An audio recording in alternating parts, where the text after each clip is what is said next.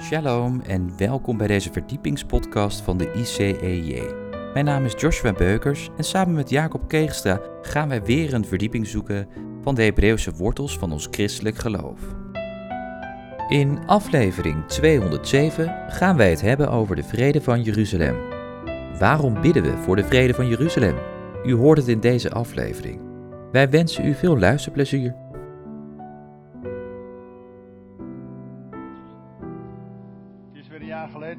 Mij dat ik hier stond. Bij de Israëlzondag vorig jaar.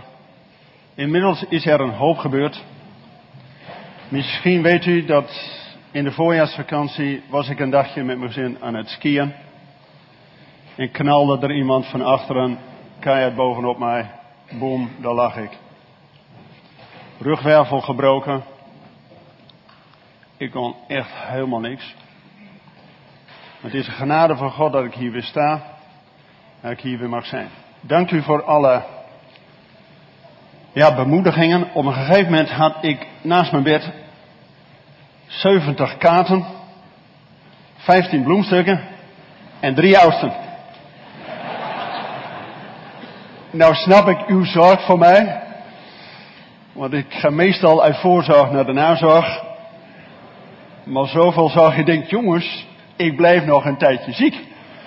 Zo'n aandacht, geweldig. Alleen waar ik ziek van word is dat ik een half jaar niet, kan spreken. Daar word ik echt ziek van. Dus ik ben blij dat ik hier weer in uw midden sta. Mensen, eerst een vraag vooraf. Gewoon eventjes om erin te komen. Over wie heb ik het? Zijn geboorte is door een engel aangekondigd. Toch blijft zijn geboorte mysterieus. Hij is de eerstgeborene van God. Hij is uit Egypte geroepen. Heeft een nieuwe naam gekregen. Is na drie dagen opgewekt. Heeft onder de Romeinen geleden en ook zijn volgelingen worden vervolgd. Over wie heb ik het? Wie uh, kiest voor Jezus? Ik heb uw hand gezien, broeders, dus de nazorg uh, heeft het straks druk. Wie denkt dat het Israël is? Want alles wat ik verteld heb, al die zeven punten, gaat in de eerste plaats om Israël. Maar Jezus is ook de Messias van Israël, de eerste van zijn volk. Dus ook al die zeven dingen kloppen ook voor de Messias van Israël, voor Jezus. Daaraan gekoppeld een vraag even aan de getrouwde mannen. Er zijn vast een aantal hier in de zaal. En vragen nu is, denk even terug toen hij voor het eerst een meisje leuk vond en op een gegeven moment met haar wil trouwen. En zij stemt in met jouw vraag, dat ze ook met jou wil trouwen. Als je met een meisje trouwt, weet niet wat uw ervaring is, maar dan krijg je haar familie er gratis bij. Ja, klopt dat? Oké. Details mag u bij de nazorg allemaal doen. Weet u, zo is het ook met Jezus.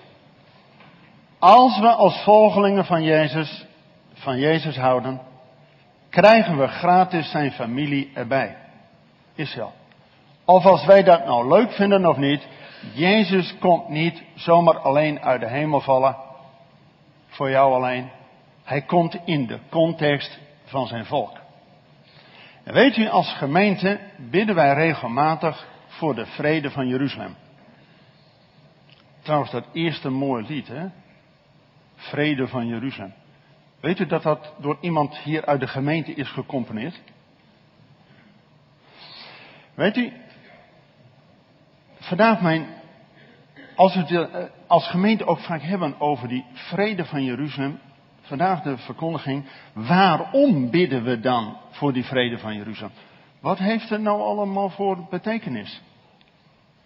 Laten we eens gaan lezen wat Jezus erover zegt in Matthäus hoofdstuk 23.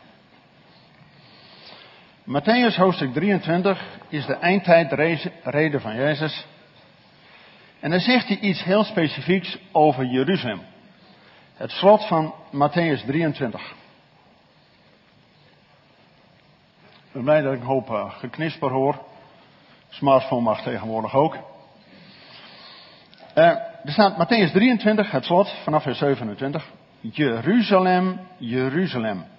U die de profeten doodt en stenigt. Wie naar u toegezonden zijn. Hoe vaak heb ik uw kinderen bijeen willen brengen op de wijze waarop een hen haar kuikens bijeenbrengt onder haar vleugels. Maar u hebt niet gewild. Zie, uw huis wordt als een woestenij voor u achtergelaten. Want ik zeg u, u zult mij van nu af aan niet meer zien. Mensen, als hier een punt stond, dan was het einde oefening.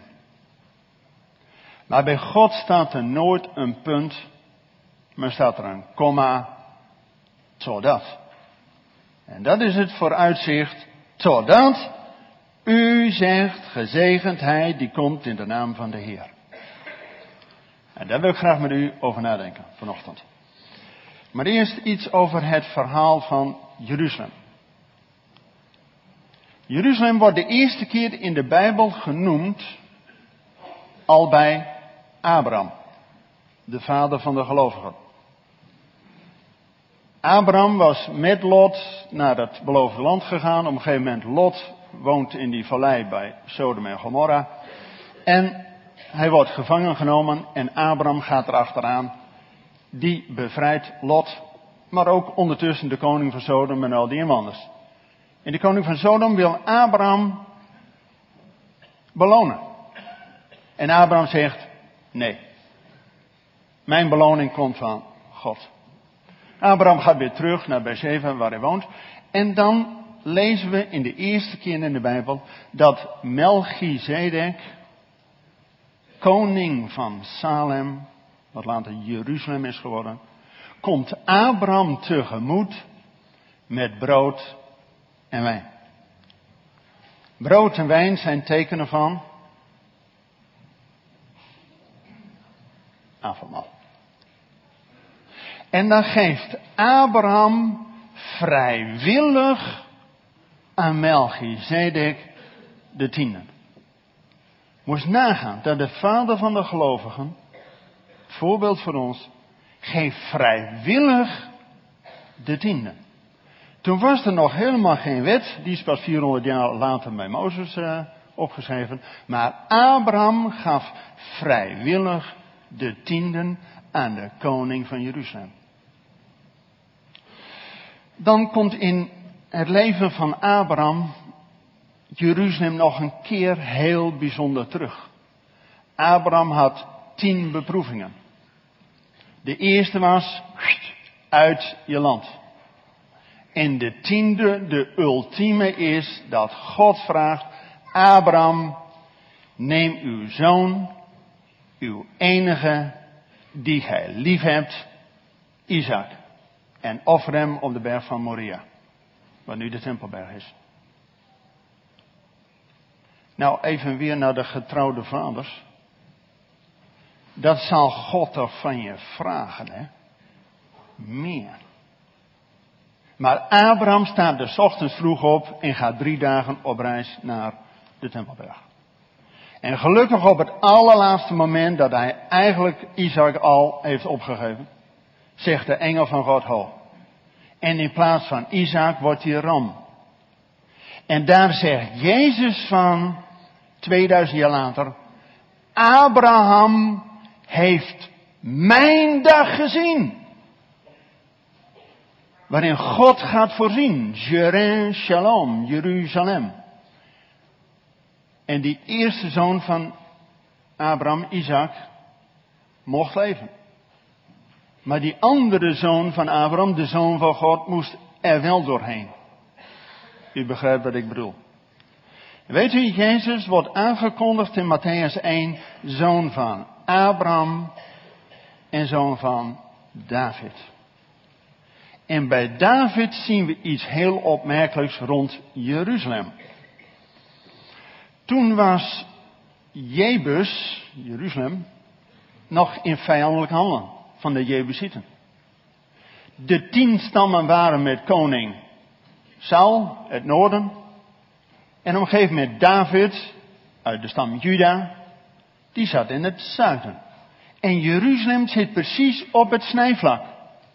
Toen Saul in de strijd is omgekomen, vroegen ook de tien stammen van Israël aan David, word koning over ons. En dan doet David iets heel opmerkelijks. Menig manager zou hier een les uit kunnen halen. Hij zegt niet tegen het grotere tienstammenrijk, nou kom er maar bij. Nee, hij gaat iets nieuws maken waar beide samen voor vechten en samen een nieuwe hoofdstad. Wordt Jebus ingenomen en wordt tot Jeruzalem. Waar later de tempel stond. En weet u, Jeruzalem is niet zomaar toevallig een stipje op de kaart.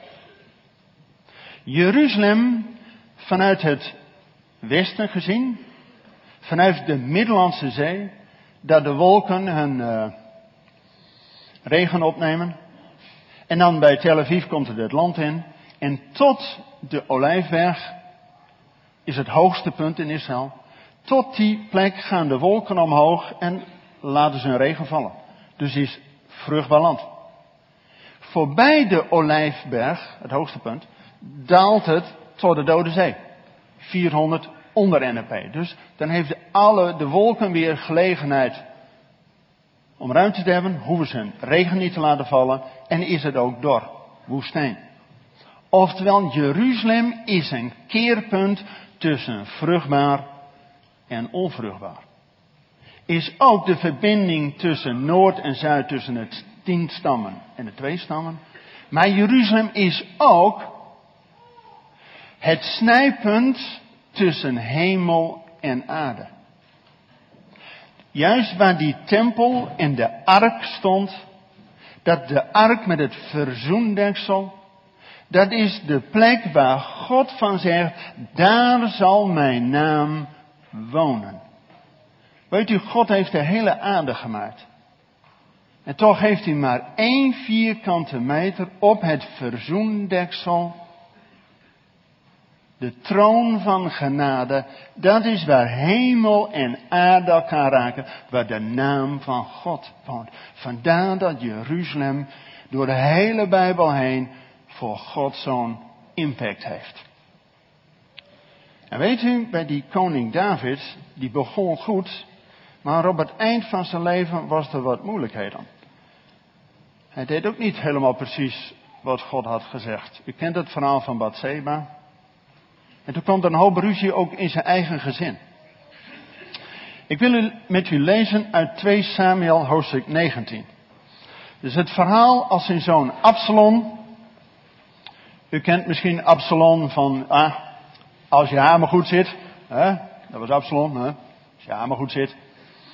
Op een gegeven moment denkt hij, die pa van mij heeft lang genoeg op het plus gezeten. Nou wil ik. Wat doet hij? Hij gaat twee jaar lang voor de poort van het koninklijk paleis zitten. En in ieder die voor een rechtszaak bij de koning kwam, hij zei, maar die pa van mij is oud, heeft veel druk, kom maar bij mij. En wie dan het meeste gaf, aan steekpenningen, die gaf hij gelijk. Dus na twee jaar denkt hij, nou, ik heb mijn fanclub wel gecreëerd. Dus hij laat zich kronen in Hebron en op zijn muilwijzer huppatee naar Jeruzalem. Ik denk, jongen, Waar ben je nou dom, hè? Kijk, koning David en zijn dertig helden, staat expliciet in de Bijbel, dat waren mannen. Eén daarvan had die vier broers van Goliath een kopje kleiner gemaakt. Een van die andere helden, die ging een grot in en die pakte een leeuw bij de keel. Oh. Dus Absalom Jongen, je bent in Weelde opgegroeid, hebt misschien nog nooit een zwaard in je handen gehad. Kijk uit dat je zomaar tegen David en zijn mannen gaat strijden. Want David weet wat volharding is. Maar David verkiest niet om met Absalom te gaan vechten. Hij gaat liever weg. En dan staat er expliciet, David ging over de Olijfberg heen, over de Jordaan, naar het Overjordaanse. En dat verhaal van Absalom, zijn mooie haar wordt hem noodlottig, blijft in de boom hangen. U kent het, eindoefening voor Absalom. En nu komt het gedeelte wat ik graag met u wil lezen. En dat staat in 2 Samuel 19 over de terugkeer van David naar Jeruzalem. 2 Samuel 19 vanaf vers 9. Intussen was Israël gevlucht, ieder naar zijn tent. En onder heel het volk, alle stammen van Israël, was het tweedracht. Men zei, de koning heeft ons gered uit de hand van onze vijanden en heeft ons bevrijd uit de handen van de Filistijnen. En nu is hij het land uitgevlucht voor Absalom. En Absalom, die wij tot koning over ons gezalfd hadden, is in de strijd gestorven. Nu dan, waarom laat u na om de koning terug te halen? Toen stuurde koning David de priester Sadok en Abiatar een bode om te zeggen, spreek tot de oudsten van Juda. Dus niet tot Israël, maar tot Juda. Waarom zou u de laatste zijn om de koning terug te halen naar zijn huis? De woorden van heel Israël hadden namelijk de koning bereikt in zijn huis.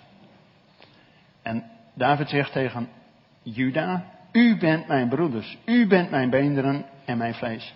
Waarom zou u dan de laatste zijn om de koning terug te halen? En tegen Amasa moet u zeggen, bent u niet mijn beenderen en mijn vlees? God mag mij zo doen, ja nog veel erger met mij doen, als u niet alle dagen voor mijn legerbevelhebber zou zijn in de plaats van Joab. Zo won hij het hart van de alle mannen van Juda als één man. En ze stuurden een bode naar de koning om te zeggen, keer terug, u en al uw dienaren. Toen keerde de koning terug en kwam bij de Jordaan. En Juda was naar Gilgal gekomen om de koning tegemoet te gaan, om de koning de Jordaan te helpen oversteken. Mensen, hoe lezen wij zo'n Bijbeltekst? In onze Bijbel is Josia, Richteren, Samuel, Koning zijn de historische boeken. Leuk om die geschiedenis te weten, maar ja, wat zegt het nou voor nu? Weet u, Samuel was een profeet. En in Israël leest men ook deze woorden als een profetisch boek. Dat het niet alleen toen bij David was, maar ook profetisch voor die zoon van David. En het heeft alles te maken met die zoon van David, Jezus, die wacht totdat ook Juda zegt, kom. Laten we eens gaan kijken. We hebben die tekst gelezen uit Matthäus 23. Waar Jezus expliciet zegt, Jeruzalem, je wordt aan je overgelaten. Gij zult mij niet meer zien. Totdat u zegt, gezegend hij die komt. Weet u, wat hebben wij daar nou aan als boodschap? Weet u dat Nederland in de Bijbel voorkomt? Wist u dat?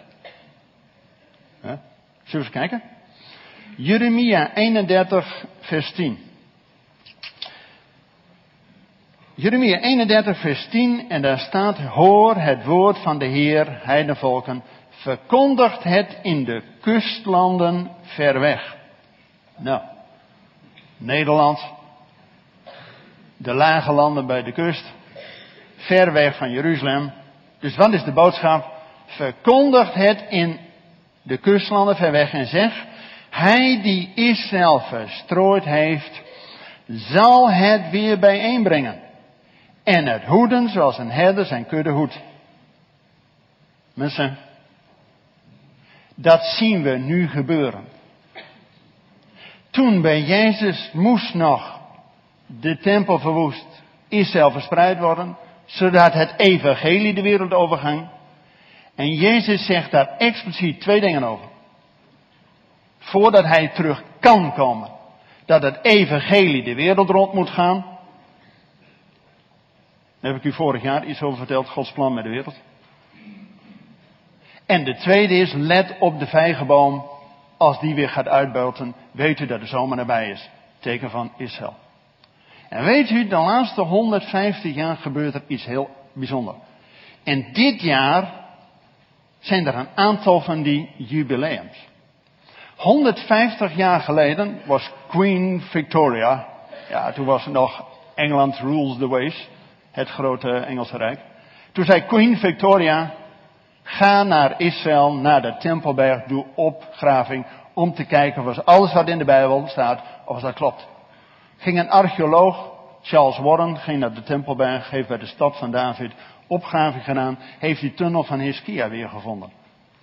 Dus dan wist je in ieder geval als archeoloog dat er een koning David is geweest en dat er een koning Hiskia is geweest. 150 jaar geleden, precies dit jaar. Precies 120 jaar geleden was er nog een seculiere Jood, Theodor Herzl, die de profetische boodschap had, binnen 50 jaar zal er een staat Israël zijn. En op de dag af is het gebeurd. Het is dit jaar ook precies 100 jaar geleden dat Lord Belfort de Balfour-declaratie heeft opgesteld. En dat Engeland toestemming gaf dat Israël weer een staat kon vormen in hun eigen land. Het is dit jaar precies 70 jaar geleden dat de Volkerenbond, de voorloper van de Verenigde Naties, een stemming had dat Israël weer een staat mocht vormen. Precies 70 jaar geleden. En het is dit jaar precies 50 jaar geleden dat Jeruzalem weer één is geworden onder bestuur van Israël. Mensen, we leven in spannende tijden. Want dat Jeruzalem in de Bijbel staat, dat is één. Maar weet u waarom wij nu bidden voor die vrede van Jeruzalem? Dat is de aanvraag. Weet u, God is de schepper van hemel en aarde. Dat geloven we. De Genesis 1. En God woont in de hemel en de aarde heeft hij aan ons gegeven. En van die aarde, toen na de zonvloed met Noach en zijn zonen Sem, Gam en Javet, is die verdeling geweest, de Semitische volkeren, dat was Azië, Gam is Afrika en Javet zijn wij Europa. Maar die komen bij elkaar. Het centrum van de aarde is de navel van de aarde, is Israël. Vandaar dat ook God wil dat Abraham daar naartoe gaat. Om daar gezegend te worden tot zegen voor alle volken. En weet u, het centrum van Israël is Jeruzalem. En het centrum van Jeruzalem is de tempel.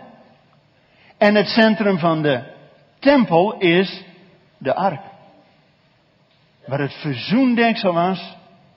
Gisteren was trouwens in Israël Yom Kippur.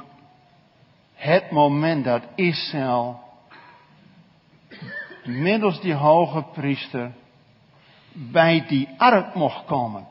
Zodat er kapara verzoening is van al je zonden en al je ongerechtigheden. Meer. En weet u waarom bidden wij nou voor die vrede van Jeruzalem? Want dat heeft alles te maken dat die vrede fors komt naar Jeruzalem. Dat ook Jeruzalem gaat zeggen, gezegend hij die komt in de naam des Heren. Mensen, de wederkomst hangt helemaal samen met dat het evangelie de wereld rondgaat en dat Jeruzalem zegt, gezegend hij die komt in de naam des Heren. En weet u, wat hebben wij daar nou mee te maken? Als Jezus niet alleen de Heer van jouw hart is, maar ook de Heer en de Koning van de gemeente, maar hij is in de eerste plaats de Messias van Israël. En weet u, God zegt, dat door de opstanding van Jezus uit de dood heeft God hem die nieuwe naam gegeven tot Messias en tot Heer.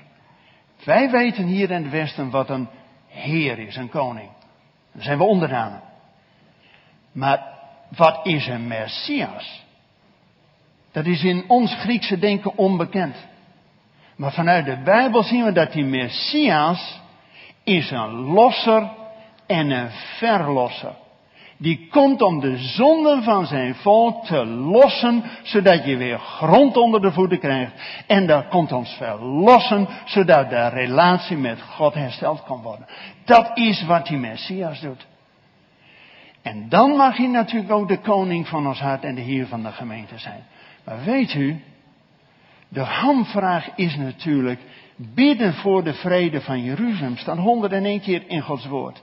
Maar willen wij dat ook? Want weet u, met Sem, Gam en Jafet, Jafet mocht wonen in de tenten van Sem. Alleen wat deden wij? Wij gingen in die tent van Sem en we gingen Sem er uitgooien. Dat is antisemitisme.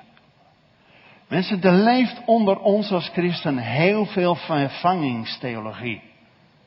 Dat de kerk en de gemeente in plaats van Israël is gekomen. Nou, dat kun je in de middeleeuwen nog zeggen. Ja, waar is Israël? Maar nu Gods volk weer terug aan het komen is, kun je dat niet meer volhouden. Want weet u, het gaat erom, er staat in Efeze 2, dat wij beide, Joods en gelovigen uit de volkeren, beide door de Christus in één geest tot het hart van de Vader komen. Mensen, we hebben gelezen uit 2 Samuel 19, hè, dat ook Juda, de Joden, eenparig die koning van David, koning David welkom gingen heet. Waar? Bij Gilgal. Zegt u misschien helemaal niks. Gilgal was de plek waar Jozja en de zijnen voor het eerst de Jordaan overgingen, het beloofde land in. Was er een besnijdenis en hadden ze het Pesachmaaltijd. En Gilgal is dezelfde naam als Golgol, als Golgotha. Hé, hey, ziet u de verbinding dat ook wij pas in het beloofde land zijn als christen, dat we erbij horen door het offer. En dat wij ook bidden dat ook Israël hun eigen Messias mag leren kennen. Zodat wij samen uitzien naar die grote dag. Dat Jezus weerkomt. Op de troon van zijn vader David gaat zitten te Jeruzalem. En dan pas zal er vrede zijn op de ganse aarde. Dat is hier een woord en is hier een Torah vanuit Sion de wereld ingaat. Mensen, zullen we daar eerst een tijd van gebed over hebben? We kunnen nog tien uh, uur lang preken. Maar gebed is wat Israël nodig heeft, maar ook wij. Zodat ons hart rein is, zodat we werkelijk in het plan van God bidden. Want als we die wederkomst van je. Nou, misschien nog één ding. Aan Abraham, de vader van de gelovigen, werd al beloofd. Een land en een volk. Als het land en het volk bij elkaar komt, kan God in zijn heilsplan verder. Toen Israël de eerste keer uit Egypte in het land was, was land en volk bij elkaar, kregen wij het woord van God. Toen Israël zelf het woord van God niet deed, moesten ze 70 jaar naar Babel. Maar God had beloofd hen terug te brengen. En de tweede keer toen Israël, land en volk bij elkaar kwamen, kregen wij Gods zoon en Gods geest. Dus alles wat we hebben, hebben we via Israël gekregen. Gods woord, Gods zoon en Gods geest. Nu Israël voor de derde en laatste keer terug is in het land, is er maar één ding wat ons, ja, rest. En dat is de wederkomst. Want al het andere hebben we al gekregen. Nu Israël weer terug is in het land, Eerst de fysieke herstel, maar ook het geestelijke herstel. Zodat ze niet alleen terug zijn in het land, maar vooral terugkeren tot het hart van de Vader. Zodat wij samen met Israël de rode loper openleggen en uitleggen. Zodat Jezus kan terugkomen. Zullen we daarvoor bidden? Mag ik u voorgaan in gebed? Bedankt voor het luisteren naar deze verdiepingspodcast van de ICEJ. Waardeert u onze podcast? Steun ons dan. Dat kunt u doen door een donatie of door deze podcast te delen met uw vrienden of familie. Ga je voor naar icej.nl.